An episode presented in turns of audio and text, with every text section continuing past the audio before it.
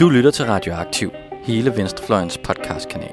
Vi bringer de nyeste nyheder fra klassekampen, dybtegående interviews, nørdede analyser og knivskarpe debatter. Hvis du kan lide, hvad du hører, så husk at følge os på SoundCloud eller din podcast-app, og du kan også smide et like på vores Facebook-side. Så læn dig tilbage, knap bukserne op og nyd en varm kop Rød Radio.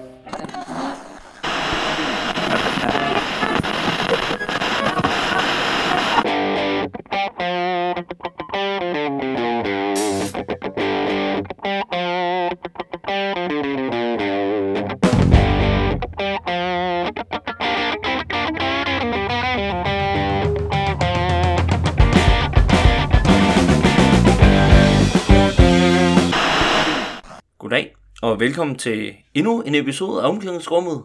Vi er tilbage. Vi er tilbage med fuld hold.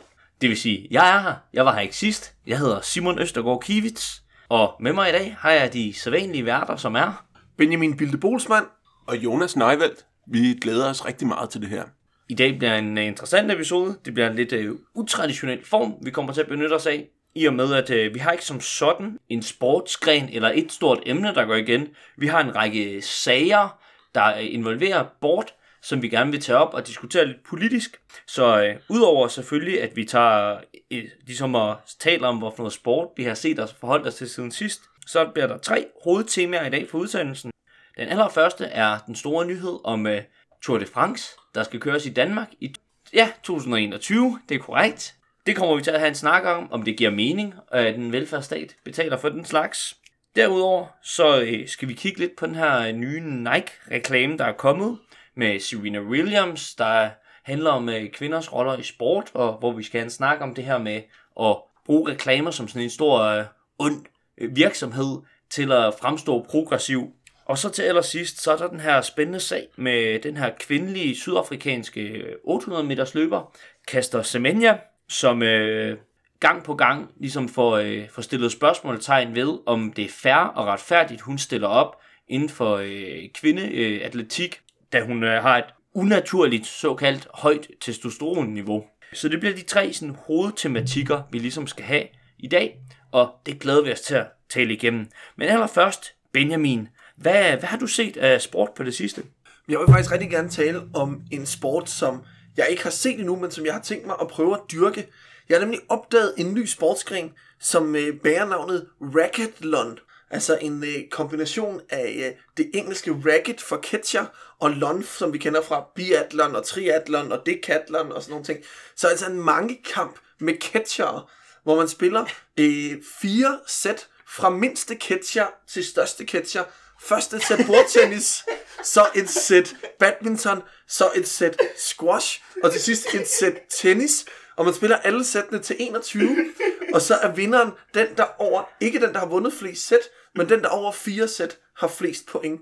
Og det er, øh, det er sådan en up-and-coming sportsgren, som øh, DGI har lagt nogle kræfter bag. Der bliver arrangeret nogle turneringer, hvor man for den øh, forholdsvis billige pris af 250 kroner kan komme ud og, og spille med, og, og være med i turneringer. En dubbel kan stille op for kun 300 kroner, og hvor der bliver stillet bolde og catcher til rådighed og sådan ting. Og det, øh, det, det er noget, jeg har tænkt mig at, øh, at prøve at se, om ikke jeg skal, jeg skal her i løbet af foråret. Altså se eller være med til at spille?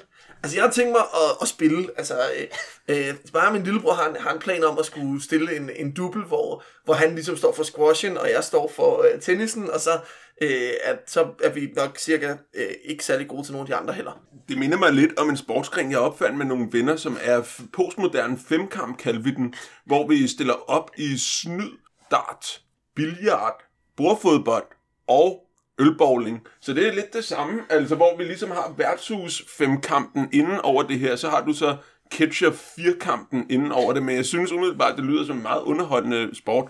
Ja, jeg tror, det man har tænkt, det er, at man kan lave noget sådan uh, motionssport, hvor folk møder op, lidt ligesom man kan have sådan nogle indendørs turneringer, hvor man faktisk kan få folk til at stille et øh, uh, 5-6 mands hold og så møde op. Så, uh, så er det forholdsvis til at, uh, at møde op til, til det her, hvis man ligesom har tilmeldt sig en dag, og det hele bliver stillet til rådighed, og så kan man dyrke sport. Jeg har i hvert fald uh, tænkt mig at, uh, at skulle spille noget uh, uh, racketlon i løbet af foråret. Men øh, Jonas, vi har også været inde og se noget sport sammen. Ja, vi var inde og se seksdagsløb, hvor vi havde en samlet venstrefløjsudflugt til det københavnske seksdagsløb, som finder sted ude i Ballerup i den navnkundige Ballerup Super Arena. Og det gik jo hverken værre eller bedre, end at det var et succesfuldt arrangement, hvor der var fire andre end mig og Benjamin, der var derude. Så det var den samlede venstrefløj, der var der på det tidspunkt. Altså fire andre, som var en del af den samme udflugt, hvor der var mange flere publikummer. Ja, ja, Lars Lykke var der blandt andet. Øh, Han, var, han virkede lidt beruset.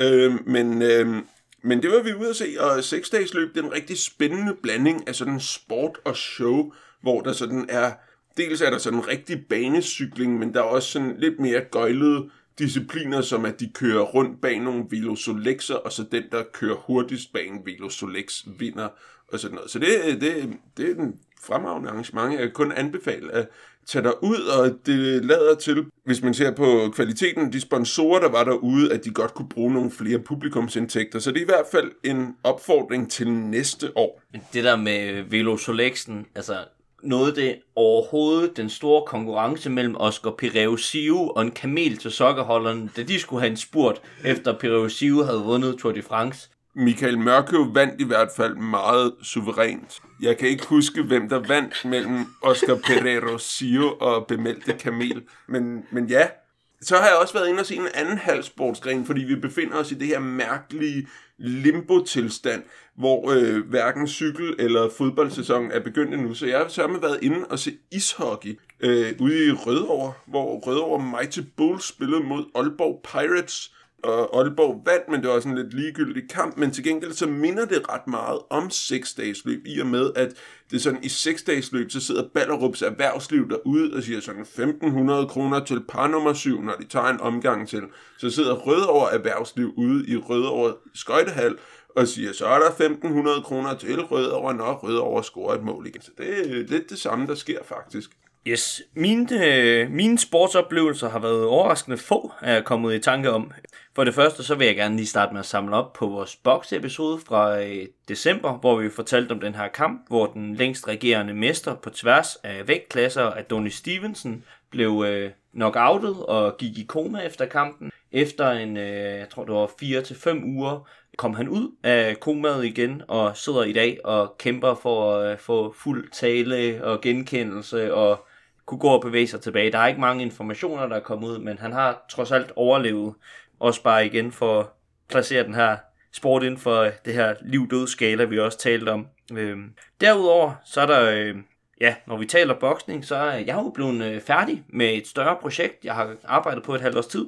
Lige om snart, så udkommer der 10 episoder af en øh, podcast, en historisk øh, podcast om øh, USA, hvor vi et årti af gangen fra nullerne til og med 90'erne, øh, mig og en kammerat, gennemgår øh, USA's historie, fortalt igennem en øh, bokser, der ligesom øh, er øh, jeg skal sige, symptomatisk på hver sit årti.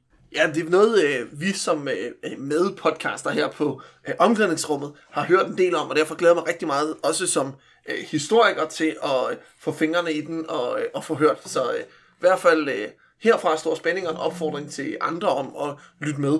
Øh, hvor kan man få fat i bemeldte podcast? Det vi i hvert fald ved, det bliver udgivet hos forlaget Lindhardt og Ringhof, der er i gang med sådan en øh, lydbogs øh, podcast satsning. Det kommer i hvert fald op på e-reolen, hvor man kan høre det gratis. Derudover så kommer det nok til at ligge bag en del betalingsmure, øh, men vi kommer så at kaste nogle gratis trailer og teaser og sådan noget ud. Og så, øh, så er der også sket inden for sporten en anden nyhed. Altså, Brøndby, legendariske fodboldhold, har fyret deres øh, store tyske træner, der har, været med til at køre Leipzig op øh, til den klub, de er i dag. Hvad nogen øh, umiddelbare respons på det? Altså, ikke udover, at det jo altid er rart at se, når ting går dårligt for Brøndby. Øh, det er sådan en, en bundglæde for en person, der er vokset op på Sjælland i 90'erne, som ikke Brøndby-fan. Men det er jo lidt sjovt, fordi det er jo ikke længe siden, altså i foråret, der var det Sorniger, der skulle øh, revolutionere dansk fodbold, og Brøndby-fansene var helt op at køre over det her presbold, han kunne ligge og sådan noget ting. Men kombinationen af det øh, utrolig morsomme øh, 2-2-kamp mod Horsens i øh, forsommeren, hvor de tabte mesterskabet, og så ikke mindst Sonikers manglende vilje til at være sådan øh, helt forelsket i øh, Brøndbys talentsatsning, øh, gjorde, at øh, han skulle fyre sig. Det synes jeg er interessant og spændende. Man kan også sige, at det er interessant i at se, at øh, altså, der er en forskel på stabiliteten mellem de øh, påståede tophold i, i dansk fodbold med, at man har øh, sidste sæson på nuværende tidspunkt, der havde Ståle Solbakkens København, FC København, havde et point mere end Brøndby har i tabellen lige nu, og Ståle Solbakkens position var ikke til diskussion. Hvorimod Brøndby skrider hastigt til værks og fyrer en træner ud af det blå. Og det er måske det, der er forskellen på et stabilt tophold og en, og en wannabe. Godt. Lige afsluttende i den her sekvens, så kan vi jo sige, at as we speak lige nu er VM i skihop i gang. Kan vi, kan vi lige få en hurtig update? Nu har vi jo øh, fuldt skis, øh, skihoppen tæt. Ja, det kan vi godt. Altså, vi har desværre ikke nået at få afslutningen med i mændenes lille bakke, men øh, fordi der har været ret dårligt vejr, som har betydet, at der er nogle udsættelser her. Vi ville ellers gerne have givet resultatet live, men det kan vi ikke. Til gengæld så kan jeg sige, at øh, VM i skihop har udviklet sig anderledes end World Cup'en, i og med at Tyskland har vundet. Markus Eisenbichler, den evige toer i World Cup'en, vandt på den store bakke, og Tyskland vandt holdturneringen, og Ryoyo Kobayashi, han var ikke på podiet i den store, i den store bakke, og han var med til at få bronze sammen med det japanske landshold til VM. Så det var Tyskland, der vandt i VM, hvor Japan og især Kobayashi sad på World Cup'en.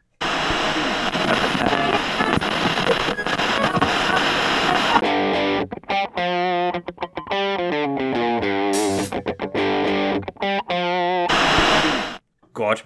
Her i det første øh, tematiske segment, så øh, skal vi snakke om den her store nyhed, der øh, vi har forskellige holdninger til det, men vi er alle sammen på sin vis blevet utrolig glade for nyheden om, at Tour de France kommer til Danmark i 2021.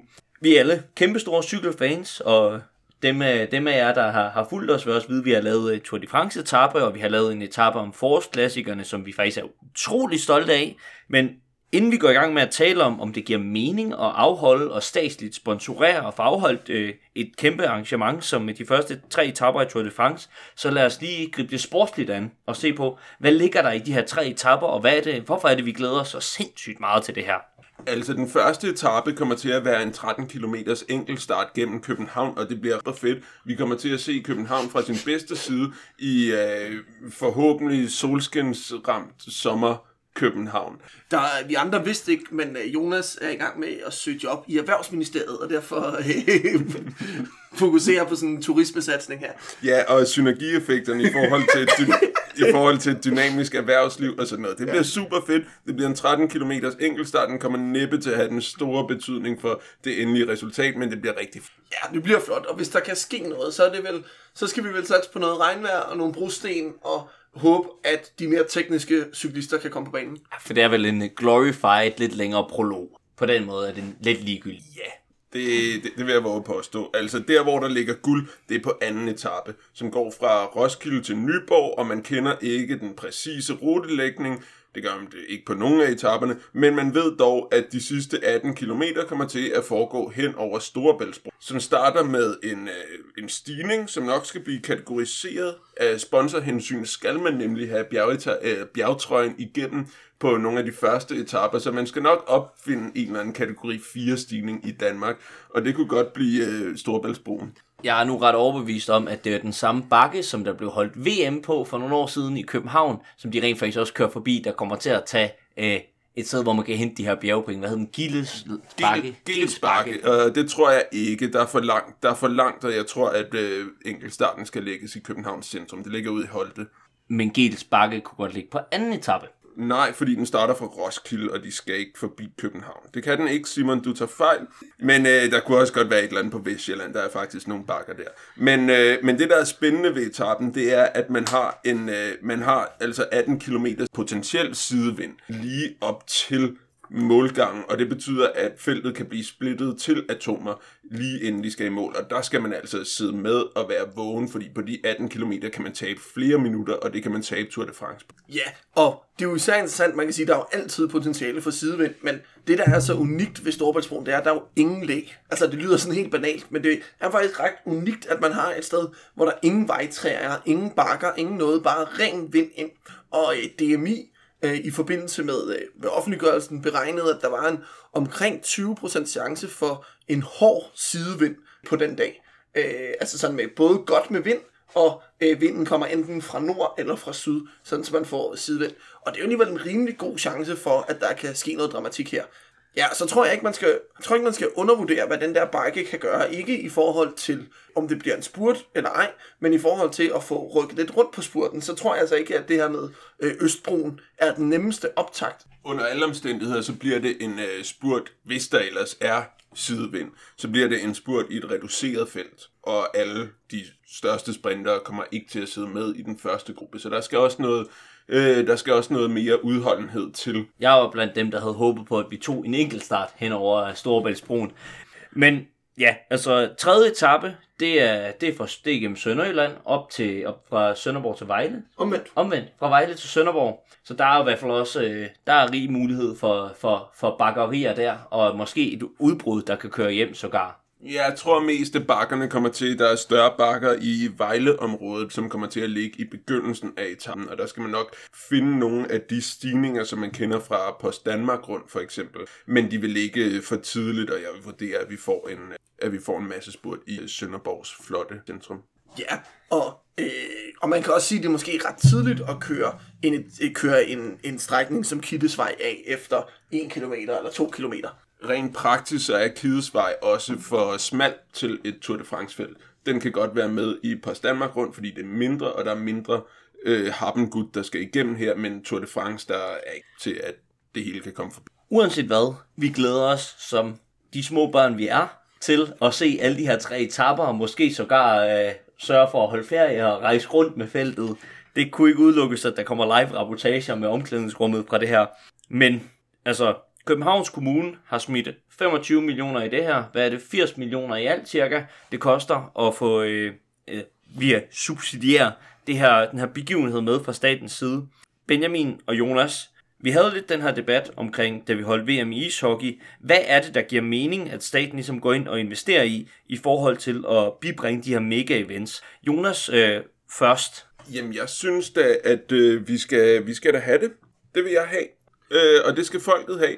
Vi har, øh, vi, vi har brug for at se noget af det ypperste, der kommer til os. Det her det er det ypperste inden for cykelløb, vi får, og derfor så skal vi selvfølgelig betale de penge, som det jo så koster for at få det. Altså, vi kommer fra et land, hvor vi ikke har det held, at uh, Sandro Botticelli lavede sine mesterværker i. Vi har faktisk ikke en skid, så derfor så må vi betale os fra, at folk kommer og laver noget fedt hos os. Det var så det ene for jer faste lyttere, måske ikke overraskende synspunkt. Jonas præsenterede øh, den anden holdning, jeg kunne forestille mig, vi havde her i omklædningsrummet, ville være din, Benjamin. Jeg kunne forestille mig, at du måske ikke mener, at øh, en sådan øh, øh, erhvervslivs øh, turistpræget attraktion var noget, som staten skulle mosle en masse penge i. Nej, altså jeg er jo meget glad for, at Tour de France kommer til Danmark først og fremmest, og det synes jeg, vi skal holde fast i. Men jeg kan godt øh, mærke, at de skattepenge, der er brugt på at tiltrække Tour de France, dem vil jeg meget hellere bruge på noget andet. Altså, jeg har nok den holdning, at når vi opkræver folks hårdt tjente penge til samfundet, så skal vi bruge dem på noget, der kommer os alle sammen til gode, eller i hvert fald noget, der er et behov for. Og hvis vi skal bruge penge på cykling, så så jeg hellere, at man købte en røvfuld billige brugte cykler, og hyrede nogle cykeltrænere og tog ud nogle af de belastede boligkvarterer og gav gratis cykler ud til folk, der havde brug for det, og lærte dem, der ikke kan køre på cykel, at køre på cykel. Øh, det tror jeg er et øh, cykelbehov, der er meget større end behovet for at se Tour de France-rytterne køre ned af Frederiksberg Allé. Jonas, jeg har en idé om, at du har et svar til det. Jeg kan på ingen måde se, at det ene udelukker det andet. Altså, det, vi skal da have begge dele. Altså, men mennesket lever ikke af brød alene. Vi er nødt til også at, at få set det her. Altså, vi bliver nødt til at have dem, der inspirerer os til at cykle.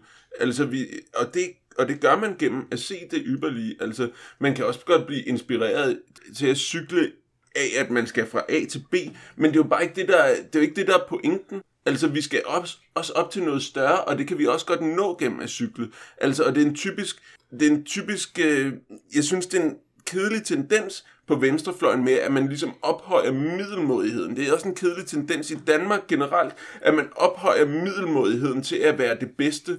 Altså, når man også godt kan nå efter, række ud efter stjernerne. Altså, det skal vi da gøre, og det gør vi ved det her. Ja, mit problem med det der argument med, at man skal inspirere ved hjælp af det ypperligste, det er, at det ikke virker. Altså, når man ser på, hvornår der var flest tennisspillere i Danmark, så er det ikke, når Karoline Wozniacki spiller tennis i Danmark. Det var ikke, da Kenneth Carlsen var god. Det var, da McEnroe og Bjørn Borg var gode. Altså, det er nogle større makroprocesser, der foregår. Og den her idé om, at man for 90 millioner og et glad erhvervsliv kan lige pludselig bringe folk til at sætte sig op på cyklen, er i bedste fald kortvarige gevinster. Så det er simpelthen ikke noget, der virker, det her. Men hvis jeg skal prøve at fremture med et, øh, et lidt andet synspunkt, har det ikke en værdi i sig selv? Ikke nødvendigvis med sådan en, at det skal udvikle sig, være en funktion af, at noget andet skal komme, men rent faktisk at vise noget frem. Vi havde debatten i sin tid omkring, hvad nu hvis det her det var øh, 25 millioner for at Bolshoi-balletten kunne vises frem til øh, 100.000 danskere, fordi det simpelthen har en værdi at vise det ypperste inden for et område, inden for en, inden for en æstetik i det hele taget, frem for befolkningen, tilbyde dem det her, give dem de her store gladiatorkampe. Altså, det er ikke bare flad underholdning. Det har en værdi, udover at det skal være et hensyn for noget andet. Nå, og det synes jeg jo er et bedre argument. Altså, sådan, den, den køber jeg mere. Men jeg vil også sige, at det er jo ikke sådan, at det er umuligt at se Tour de France i Danmark. Altså, Danmark er det land i verden, der viser flest timers Tour de France om året i fjernsynet.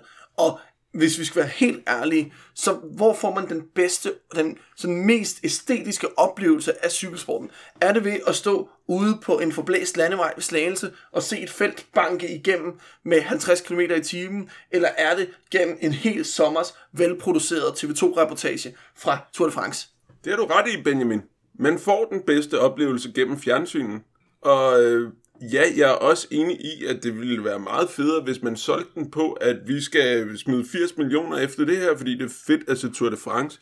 Det er jeg begge, begge dele er enige i. Jeg kan bare ikke slippe tanken om, at vi får lov til at opleve det ypperste så tæt på os. Altså, og det kan jeg godt lide. Og i virkeligheden er jeg jo enig, fordi jeg har også skrevet i min kalender de der dage, at jeg skal være i København, i Nyborg og i Sønderborg, eller i hvert fald noget, der minder om.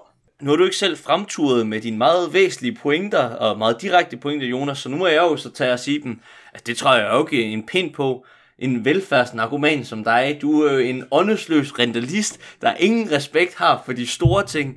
Og Jonas, hvad har du Altså, at jeg, jeg, sy- jeg synes, altså, det var der, jeg ville hen af, hvor jeg sagde, at øh, Danmark at Danmark hylder middelmodigheden. Altså, der er ikke plads til det store. Altså, fordi vi hele tiden, og det er jeg enig i, altså, jeg er også venstreorienteret, selvom man nogle gange kan, jeg også nogle gange selv kan blive i tvivl om, når og høre mig selv tale i omklædningsrummet. Så, øh, altså, så mener jeg da også, at vi skal bruge flere penge på sociomedarbejdere og folk, der står tidligt op om morgenen og smager lever på stegsmad til deres børn og tager på arbejde og arbejder hårdt og alt det der.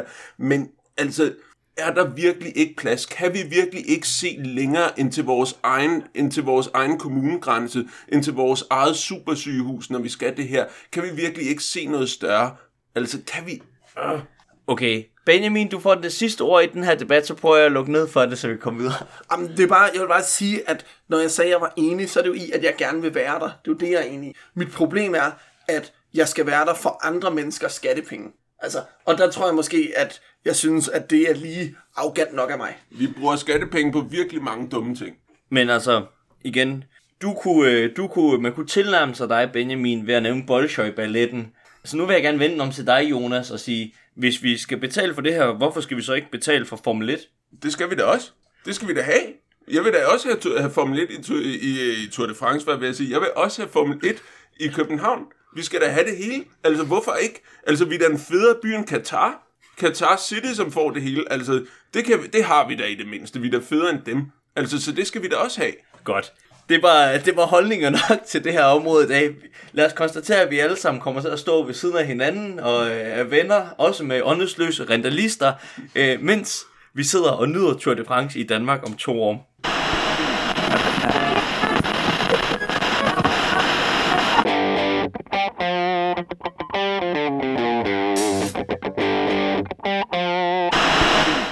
So, if they want to call you crazy, fine. Show them what crazy can do.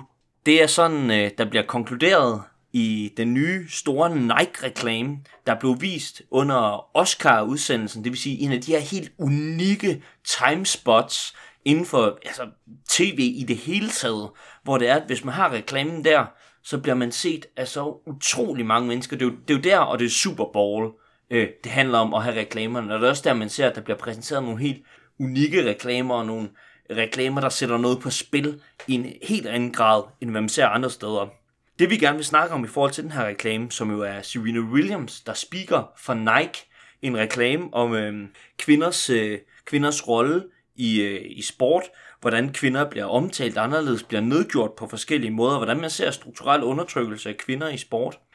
Det er en del af Nike-serie, der har kørt i en år, startet med, hvad skal man sige, øh, Kaepernick, ham her, øh, den amerikanske fodboldspiller, der satte sig på knæ under øh, den amerikanske nationalmelodi for at vise, vise sin protest mod den hvide stats overmagt, den hvide stats håndtering af sorte mennesker i USA, som Nike også omfavnede. Nike har med den her Just Do It reklame-linje, de har bygget op, forsøgt at skrive et, altså når man tager det for, øh, for, for gode varer, kigger på indholdet, kigger på ordene, så er det jo faktisk øh, holdninger og værdier, der ligger os alle tre her relativt, øh, relativt tæt på hjertet.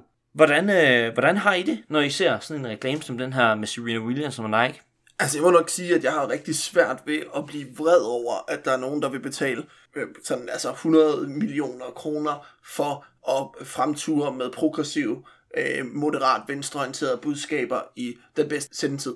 Altså, jeg synes øh, både øh, Kaepernicks øh, Dream Crazy og Serena Williams Dream Crazier øh, reklamer er, øh, er ret fede, fordi de handler om, at man skal øh, stå ved det, man tror på. Man skal øh, kæmpe op mod uretfærdighed, kæmpe op mod urimelige begrænsninger, og så skal man øh, prøve at udleve sit potentiale og sine drømme. Og det synes jeg, der er et budskab, som er meget federe end altså det modsatte budskab vil være sådan noget med, at øh, øh, fall in line, og gør som de andre siger, og øh, du skal ikke tro, du er noget. Og at der er jeg bare meget mere på øh, Nike, Serena øh, og Colin Kaepernicks side. Altså jeg har, jeg har to kritikpunkter i forhold til det. Altså det ene, det er, at... Øh, historien bag den her reklame, det kommer fra, at Serena Williams, en stor tennisspiller, i sidste års finale i US Open, som hun tabte, opførte sig helt vildt åndssvagt på banen over for dommeren og over for sin omgivelse generelt, men især over for dommeren. Og det, kan, det er forståeligt nok, når man taber en finale, man er sat op til at vinde, at så kan der godt lige ryge en øh, finke for panden en gang imellem. Men det hun så er ude at sige bagefter, det var, at hun gjorde det for at støtte kvinders rettigheder til at øh, til at også at vise følelser, uden at blive kaldt hysteriske, hvor man måske kunne indvende, at hun bare opførte sig som en idiot. Jeg tror, hvad skal man sige, et, et synspunkt og en tilgang til det her, der vil findes på venstrefløjen, der er nogle forskellige begreber, øh, der er i spil, når man ser virksomheder ture frem med progressive budskaber. Øhm, altså grundlæggende, så, så, øh, så har man et begreb, der hedder redwashing, når det er, at øh, firmaer, der i bund og grund ikke nødvendigvis i praksis er repræsentanter for at skabe en bedre, mere progressiv verden, forsøger at indskrives nogle øh, narrativer, nogle legitimeringsfortællinger omkring sig selv.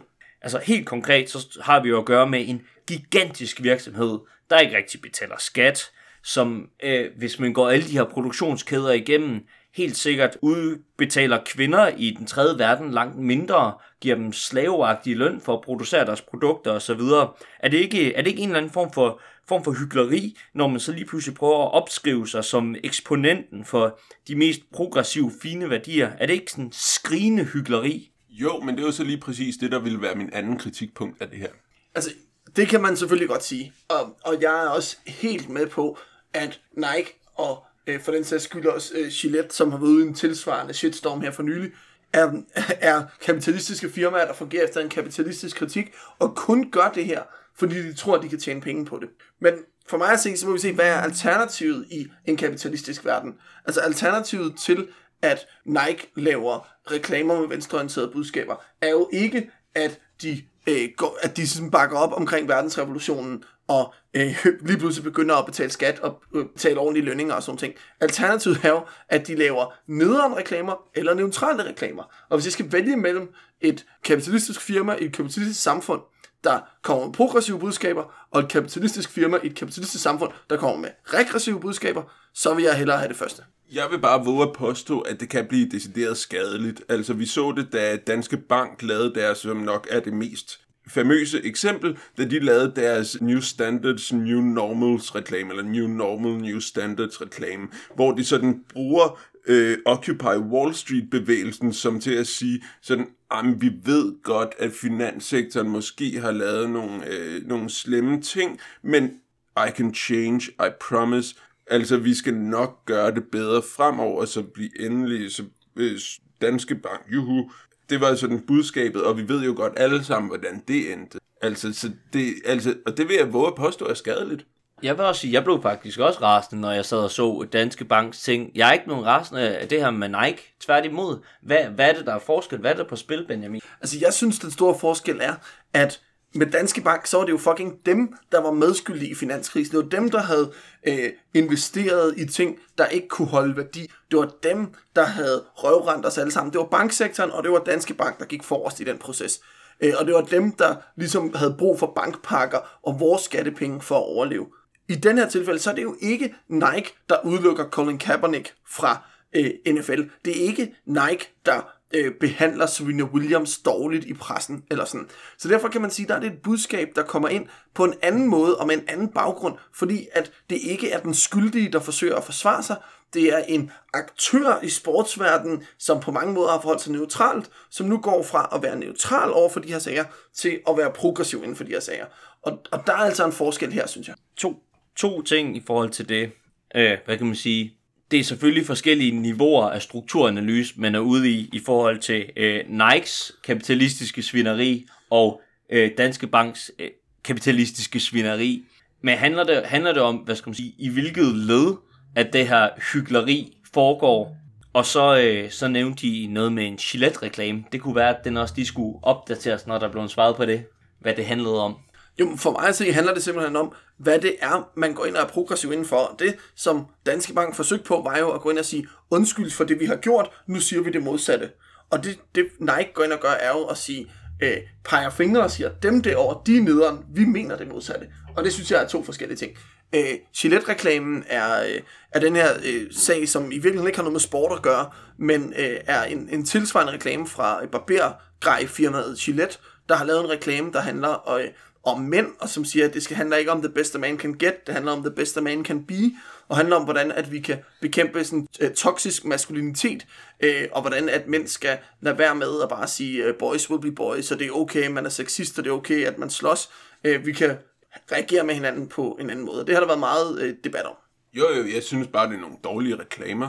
Altså, hvorfor skal det ikke fremgå, at det er en reklame? Altså, de her Gillette-billeder, det, det er bare stockfotos oven på stockfotos, og så står der Gillette til sidst. Altså, det, det, så, så synes jeg lidt, hvad har man så lavet? Man har selvfølgelig lavet omtale, fordi de ved selvfølgelig godt, at der kommer det her, det her, den her reaktion fra øh, forsmåede øh, mænd, der synes, de skal holde fast i en eller anden middelalderlig manderolle. Og, så, og så, så vil de råbe og skrige om det på, øh, på de sociale medier, og det, det er jo det, der sker. Det er bare sådan lidt kvalmende, synes jeg. I stedet for at stå ved, at man har lavet en reklame, altså som John Lennon sang engang, All I want is truth, just give me some truth. Altså, og det er bare det, jeg gerne vil have, og det er selvfølgelig for meget for langt fra reklamerne, men stå nu ved det, I laver. Altså, jeg kan, jeg, jeg kan ikke lide hyggeleri. Men uh, lad os lige bringe den 180 grader tilbage på sport. Og det er jo lige netop også fordi, at det er Kaepernick, og det er Serena Williams, og det er Caster Semenya, øh, som der indgår i de her reklamer, som er store sportsudøvere. Mig og Benjamin var for et par år siden til en øh, politisk sportskonference inde på Christiansborg, afholdt af Radikale Venstre, hvor det, øh, en af de største danske elitesportsudøvere, Sara Slot, som er hækkeløber, hun havde en lang tale omkring, hvordan det var et urimeligt krav at stille til sportsudøvere at være politiske, fordi det er de ikke tid til, de har et mål for øje i løbet af hele deres liv, og de har offret hele deres liv for at nå de her mål, der er rene, sådan, hvad skal man sige, atletiske, sportslige udfoldelsesmål. Jeg synes langt hen ad vejen, at særligt Kaepernicks reklame, den første med Nike, står i skarp, skarp kontrast til det her, der handler om, at når du faktisk har fået en position som sportsudøver, så er der noget, der er større end det. Du har en position, du kan bruge til at kommunikere med folk, til at stå for noget. Og det, der er sejt og svært, det er at stille sig i en position, hvor man står for et budskab. Det er også sejt og svært at være sportsudøver, men det har først for alvor en værdi, når man bruger den position til noget. Og det er jo, hvad skal man sige, en eller anden form for, for kommentar på, hvordan og hvorledes man kan samtænke og bruge de her sportsidoler, de her forbilleder, og igen, tilbage til slut 60'erne og 70'erne, der var det jo en fuldstændig almindelig sag, at sportsudøvere var de politiske. Altså, jeg vil sige, det afspejler måske nogle klasseforskelle inden for elitesport. Det er nemmere for Kaepernick at tage sin position, end det er for Sarah Slot at skulle være politisk. Der er virkelig forskel på de økonomiske omstændigheder for en, der spiller i NFL, som er en af de mest betalte sportsrækker i verden, hvis ikke den mest betalte sportsliga i verden, og at være en 400 meter hækkeløber fra kvindelig hækkeløber fra Danmark. Det er der virkelig ikke mange penge i, selvom man stiller op til OL og får medaljer og sådan noget. Det er virkelig svært at skulle prioritere øh, progressiv politik med den baggrund. Ja, og modargumentet vil jo være, at nogle af dem, der har kostet, det har kostet mest at prioritere progressiv politik, har jo netop været dem, der har haft mest at tabe. Altså, Kaepernick, der jo mister sin karriere. Han er en af de mest succesfulde quarterbacks. Han har 5-10 års karriere tilbage. Han kunne formentlig have tjent øh, op imod øh, 50-100 millioner dollars til i sin karriere, hvis han havde blevet stående under nationalmelodien. Tilsvarende Muhammad Ali, der i 60'erne øh, nægter at øh, blive udskrevet til Vietnamkrigen med øh, ordene No Viet Cong ever called me a nigger. Altså, altså, han mistede sin verdensmestertitel, han kom i fængsel, han, altså, det, det var helt forfra igen. Altså, det, han, han kan tabe meget mere, end Sarah Slot nogensinde kan tabe. Og så kan man så selvfølgelig tale om, at det her Kaepernick og Muhammad Ali er folk, der også har brugt det her til at opbygge sig et kæmpe brand, de har kunne leve på resten af livet og tjene ufattelig mange penge på, også måske langt ud over det sportslige, de kunne tjene. Men lad os øh, prøve at komme videre fra, øh, fra den her reklamebranche.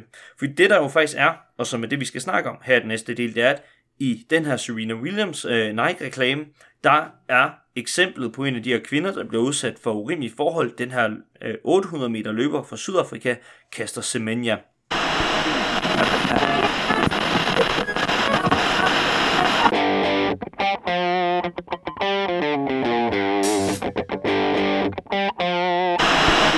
Caster Semenya er en sydafrikansk øh, 800 og 1500 meter løber, der øh, bryder igennem første gang i 2008, da hun løber 800 meter på sådan 204 i junior verdensmesterskabet, hvor hun vinder guld.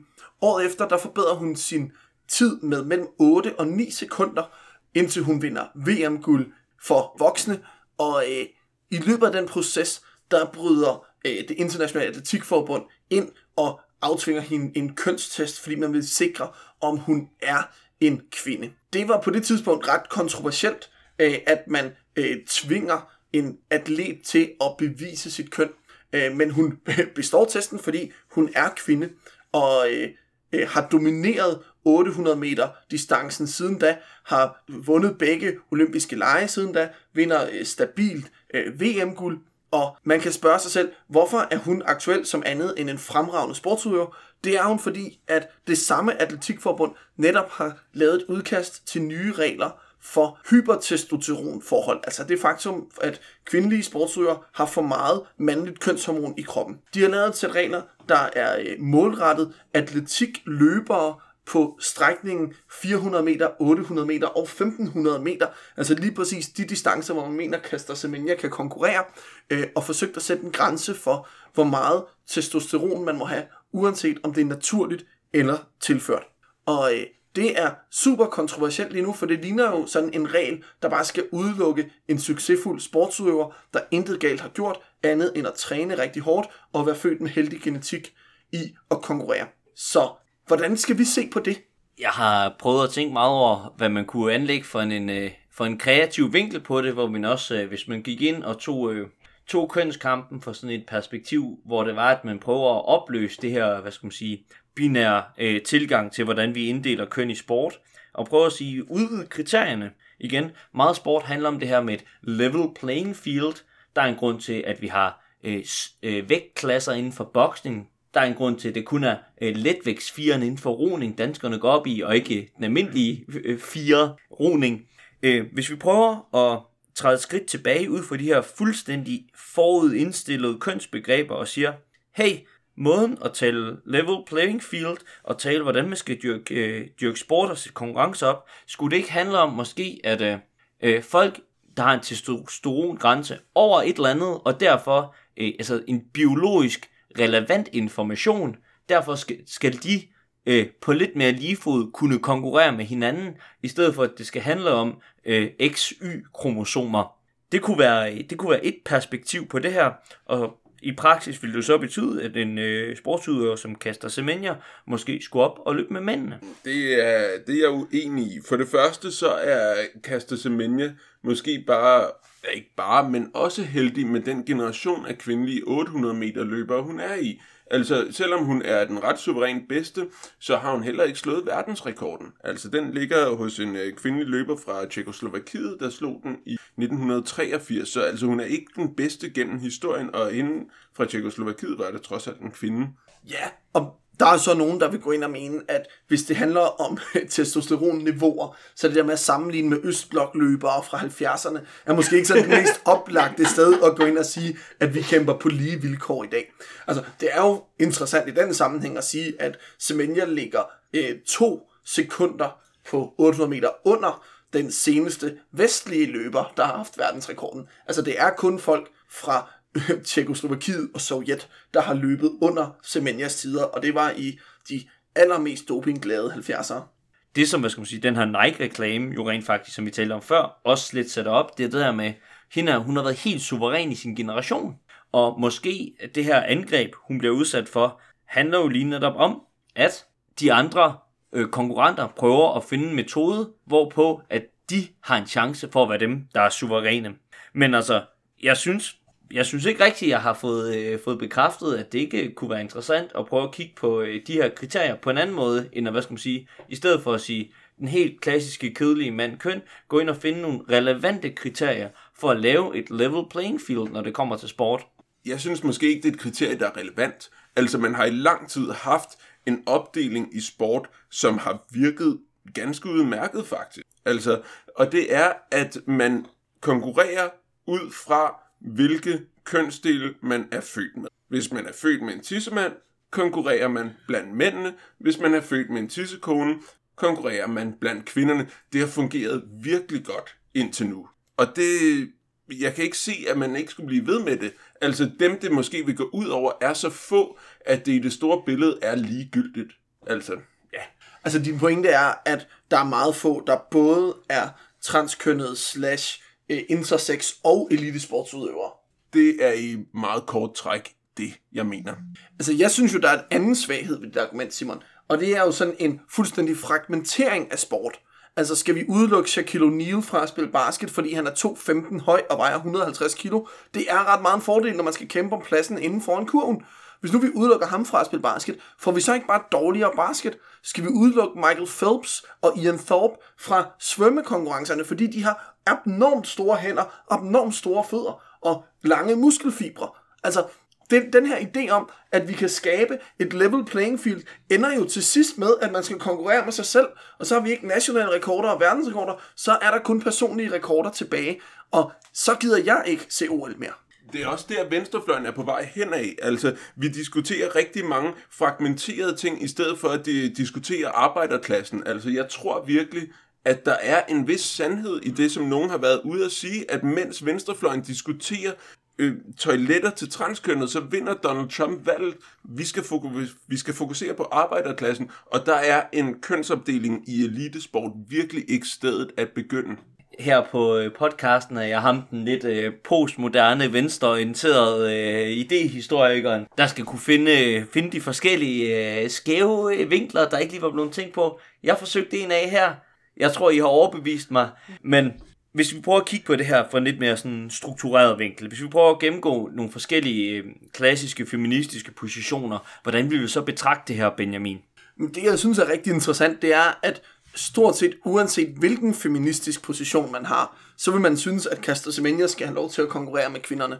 Altså ud fra sådan en anden bølge radikal feministisk vinkel, hvor det handler om strukturel undertrykkelse, og det handler om, hvorvidt man har levet et liv som kvinde, og hvorvidt man er blevet til en kvinde gennem den påvirkning, der kommer udefra, så er der ingen tvivl om, at Caster Semenya er blevet født som kvinde, lever som kvinde, og er blevet udsat for de strukturelle vilkår, der gælder for kvinder i samfundet. Og så skal hun selvfølgelig have lov til at konkurrere som kvinde. Hvis man ser på det ud fra sådan en mere øh, postmoderne, Butler-inspireret tredjebølge feministisk, hvor det handler om det performative køn, så er der heller ingen tvivl om, at Caster Semenya opfatter sig selv som kvinde, og at hun performer kvindekønnet. I det omfang, der er nogen, der vil kritisere det synspunkt, hun performer kvindekønnet, så er det jo ikke værre, end at alle andre elitesportsudøvere heller ikke performer kvindekøn i den grad, de siger. Så hvis man ser på det fra både et radikalt feministisk synspunkt, og fra et øh, sådan postmoderne feministisk synspunkt, tredje bølge feministisk synspunkt, så bør Kaster Semenya have lov til at deltage. Og jeg synes, det er et interessant perspektiv, så er det tredje, eller sådan en marxistisk feministisk analyse, hvor man kan gå ind og kigge på, hvad er der for nogle interesser i den her kamp, hvor den klassiske marxistiske feministiske analyse vil sige, at kvinder bliver betalt mindre, fordi chefen, kapitalisten, har en interesse i at betale kvinder lavere løn.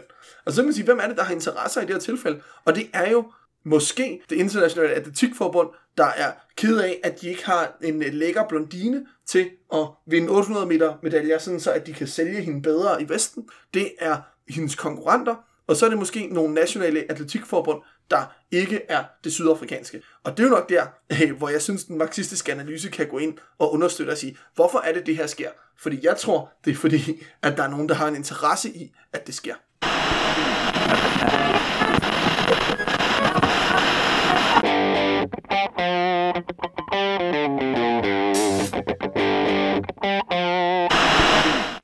Vi har åbenbart nogle følgere, tro det eller ej. Nogen har reageret på vores udsendelser ind på øh, Twitter. De har sendt et øh, tweet øh, omkring, hvad det er, at vi render rundt og laver, hvor et, øh, der er nogle kritikpunkter, og måske nogle legitime kritikpunkter. Det er øh, tre følgende punkter. Der har været et omkring, at øh, det eneste, vi har haft specifikt om kvindesport, har været en særudsendelse, den om roller derby. Så på den måde, at der har været et øh, alt for stort fokus på herresport hos os. Derudover er vi blevet kritiseret for at have talt øh, sige, lidt, øh, lidt flabet, lidt ligegyldigt over for de ting, Kevin Spacey og Jørgen Let har gjort i deres private, i forhold til, at vi har, har fokus på at fremhæve deres øh, hvad skal man sige, sportskommentering og deres skuespillerpræstationer. Og så øh, til sidst en måske almen kritik af radioaktiv, som vi ikke helt kunne afgøre var på radioaktiv eller også, omkring at øh, det skulle være meget akademiske udsendelser, om der ikke var nogen folk, der ikke var akademikere, der kunne være med det er selvfølgelig kun fair, at vi ligesom forholder os til de her ting, vi bliver stillet op for. Ja, og jeg synes øh, først og fremmest vil jeg gerne takke for feedback. Og hvis der er andre, der sidder derude og lytter til vores udsendelser og har kommentarer, så er man bare rigtig velkommen til at tweete mod os. Man kan skrive mod os på Facebook, og hvis man kan finde en af vores mails et eller andet sted, så kan man også bare skrive løs der. Eller man kan skrive til Radioaktivs uh, øh, Facebook-side, hvor der også altid vil være nogen, der læser det og sender det videre og svarer. Uh, til de konkrete kritikpunkter må jeg bare sige ja. Altså, det er jo rigtigt, at vi har snakket mere om mandesport end om kvindesport, og det øh, vil jeg også gerne være med til at beklage. Jeg tror i højere grad, end at der er tale om sådan vores skæve perspektiv, er der nok tale om sådan et samfundsperspektiv, hvor der bare i samfundet bliver talt mere om mandesport end om kvindesport. Og jeg synes faktisk, at vi med både roller derby, vinter-OL og håndboldudsendelsen har været inde på at snakke om nogle af de problematikker og øh, situationer, der er, øh, når mandesport og kvindesport møder hinanden.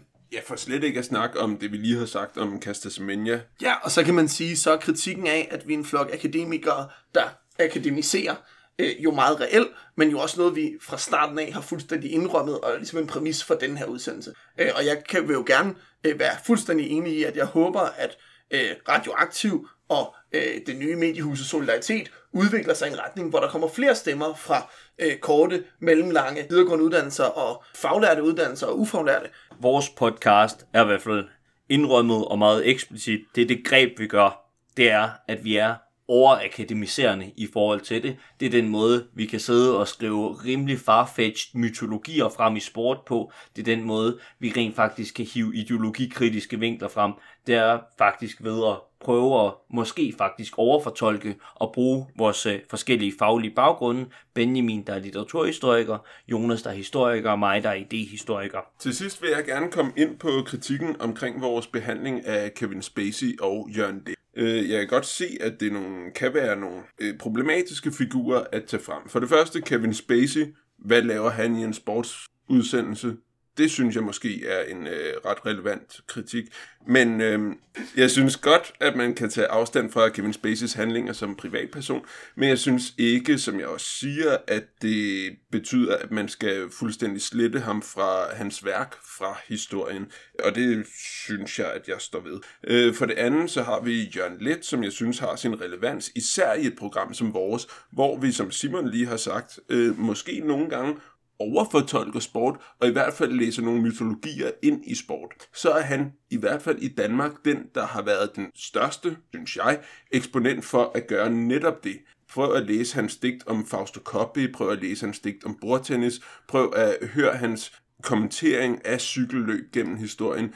Det er fuldstændig umuligt for et sportsprogram som vores ikke at forholde sig til Jørgen Let. Hvis man er interesseret i, øh, i hvert fald en, en lidt lignende diskussion af det her med kunstneren, sproget, hvad den enkelte person gør versus det kunst, der bliver lagt frem foran en, så kan jeg henvise til den øh, nyeste udsendelse af Exilårene, som handler om Astrid Lindgren, hvor de faktisk har debatten omkring, at der er faktisk en, selvom det er en progressiv brug, en del problematisk sprogbrug og en, og en del problematiske øh, handlinger.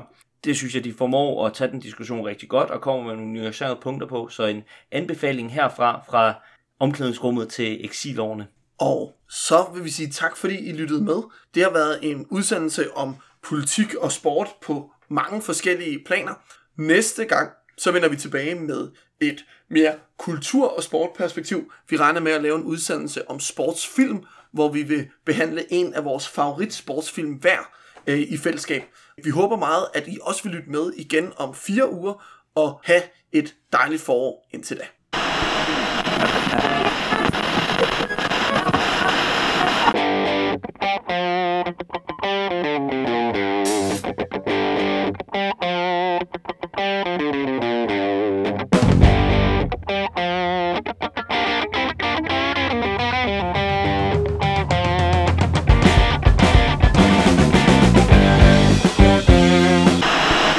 Godt. Men nu har vi så åbnet op for en snak om atletik og, øh, hvad skal man sige, den her genre, helt klassiske sports, øh, sportsgenre, som vi selvfølgelig på et tidspunkt kommer til at gå meget mere i dyb med sig selv. Men sådan bare lige sådan et fast segment, mig og Jonas har snakket meget om, så vil vi gerne høre dig, Benjamin. Hvorfor er det, du mener, at atletik burde være ulovligt i en velfærdsstat? altså, øh, det er ved at få meget svært ved at mene. Øh, jeg er personligt sådan helt ekstremt fascineret af atletik, og faktisk er nok min yndlingssportsgren, en af de få sportsgren, der er i kalenderen sammen med den danske Tour de France. Det er øh, øh, mange kampen til VM i atletik, der kommer til at ligge her i efteråret, øh, som er for mig at se højdepunktet af menneskelig udfoldelse. Men du ser ikke et faresignal i, at løb kan opfordre folk til at løbe i trafikken, hvor de ikke burde gøre det, og det kan være farligt for deres helbred og for trafiksikkerheden generelt. Det er det, jeg hørte dig sige, Benjamin. Ja, altså, ja, øh, det er klart, det var det, jeg sagde. Øh, og også, at det kan risikere at få folk væk fra cykling, som jo er meget mere venstreorienteret end løb. Løb er individualistisk, cykling er en kollektiv udfoldelse. Så øh, en god venstreorienteret linje er jo at cykle i stedet for at løbe, og derfor må jeg være imod atletik i en velfærdsstat. tak for det, Benjamin. Og det her var så øh, vores øh, mig Jonas' nye segment, hvor vi vil berate Benjamin øh, på hans øh, holdning til fodbold og ishockey og prøve at føre det over på, øh, på alle andre sportsgrene.